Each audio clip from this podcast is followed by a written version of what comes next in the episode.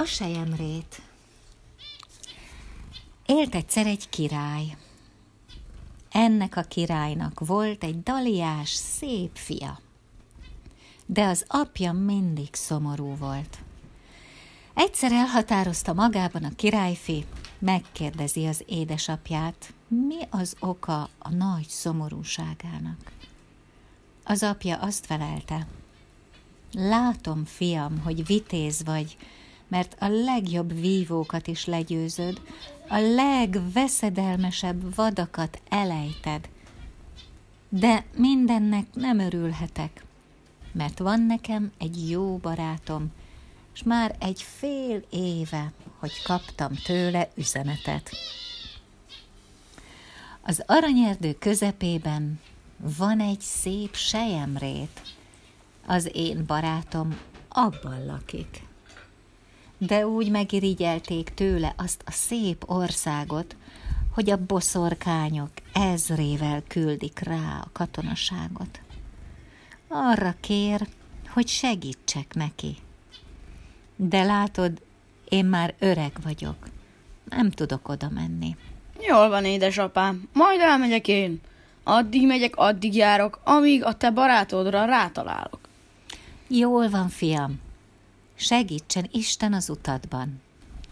De hallgass én rám, van az istálló háta mögött egy nagy trágyajuk. Abban van az én legénykori paripám. Ajánlom neked, azzal menj el. De meg kell előbb etetni. Ott van hátul a kertben, vagy tizenkét öl fa gyújtsd meg, és mikor parázsá válik, emeld ki a lovat a gödörből, és vidd oda, mert az csak tiszta, égő parazsat eszik. Meggyújtották a nagy csomó fát, és mikor izzó parázsá vált, akkor a királyfi kivette a lovat a gödörből, és odacipelte. Neki kezdett a ló enni, és szemlátomást hízott. Mikor mind megette, még a szőre is tündökölt. Elámult a királyfi, mikor látta, hogy a lónak hat lába van. Megszólalt az apja. No most, édesfiam, menj fel a padlásra. Vannak ott fényesebbnél fényesebb kardok, de van köztük egy rozsdás, azt vett magadhoz. Le is hozta a királyfi, próbálta kihúzni a pengét a hüvelyből, de sehogy se tudta. Ó, fiam, nem úgy kell azt. Mondjad neki, kard, ki a hüvelyből? No, alig, hogy kimondja a királyfi, a kard kirepült, s csak úgy zúgott a levegő a suhogásától. No most mondjad, hogy kard vissza. Abban a pillanatban a hüvelybe rejtőzött a kard. A király és a fia összeölelkeztek, megcsókolták egymást, s könnyek közt elbúcsúztak. Felült a királyfia hatlábú paripára, az fölreppent a levegőbe, úgy repült torony iránt. Egyszer csak hopp, megtorpan a ló. Ereszkedik lefelé egy olyan szép erdőbe, hogy a fák mind aranyból voltak. Elindult hát, csak úgy gyalogszerrel. Aztán egyszerre csak meglátta a sejem rét szélét de azt is látta, hogy a sejemrét közepében egy szép sátor állott. Mikor a sátorhoz ért, látja, hogy benn a sátor közepében alszik egy őszbe vegyült öregember. A sátor egyik sarka el volt függönyözve. Elhúzta a függönyt, és mit látott? Egy szép arany ágyat, s benne egy leány arany hajjal, arany ruhában fekszik. Egyik karja és egyik lába lelógott az ágyról.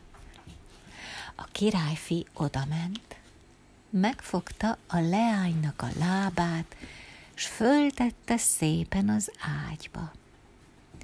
A leány nem aludt, félszemmel figyelt, mikor a királyfi megfogta a karját is, hogy tegye föl, a leány csak átölelte a nyakát, megcsókolta a királyfit, s azt mondta, én a tied, te az enyém, ásó kapas, a nagy harang válasszon el egymástól.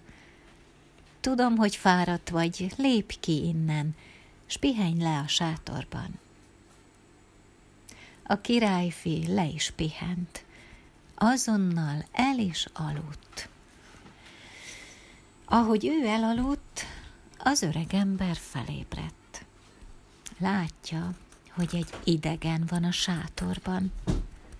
Azonnal kihúzza a kardját, fölemeli, hogy levágja a nyakát. Na, mikor éppen suhintani akar, akkor jut eszébe, hisz ennek is kardja van, és én előtte aludtam, mikor ő a sátorba jött. Ő is megölhetett volna. Nem bántam. Mikor felébredt, a fiatalember megszólítja az öreg. Hallod, öcsém, ki vagy te, és mit keresel itt? Én, ha nem tévedek, éppen téged kereslek, az apám küldött. Elnye, fiam, te volnál az én barátomnak, a vörös királynak a fia. Igen, én vagyok. Jó, hogy jöttél, fia, mert már több mint egy éve, hogy ostromolnak a baszorkányok katonái. Elhoztad az apád kardját, az én kardomnak a cimboráját. Mert tudd meg, fiam, akármennyi katonát levág a kardom, tízszer annyi jön mindig helyette. Látod ott azt a nagy hegyet? Ott van a vén boszorkány, aki ontja rám a katonaságot. Míg azt meg nem öljük, addig nekem nincs nyugodalmam. Reggel korán keltek, s ahogy a nap jött fel, bújtak elő a boszorkány katonái úgy jöttek ki a hegyből, mint a víz, mikor a nagy forrással jön a földből. Repültek a kardok a hüvelyből, és aprították a katonákat. A vörös királyfi megindult a hegy irányába. Előtte a kardja vágta a katonákat, akár csak a szalai a szappant. Mikor a lyukhoz ért, úgy gondolta, bemegy. Megnézi, mi van ott. És mit gondoltok, mit látott? Egy nagy, tágas térség közepén egy szövőszéket. Benne ült egy vén öregasszony, akkora orra volt, hogy az a földet érte. És ez a vénboszorkány nyomta a lábítót, és valahányszor a vetélőt átdobta, mindig egy század katona állott elő. Ő pedig adta ki nekik a parancsot. Előre a rétre, öljétek meg azt a vén gazembert. No, a királyfi odaugrott a vénboszorkányhoz, elővette a zsebkését, s szíven szúrta. Hát csak mi történt?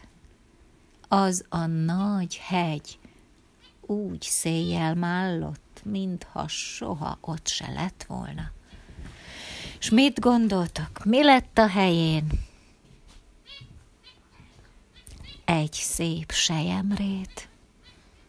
Mikor ez megtörtént, az ősz öregember előhívta a leányát, és azt mondta a királyfinak, Nézzed, fiam, nekem más gyermekem nincs csak ez az egy leányom.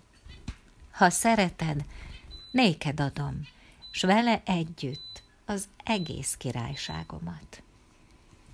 Úgy is történt. Papot hívtak, megesküdtek, és még most is a sejem réten élnek, ha meg nem haltak.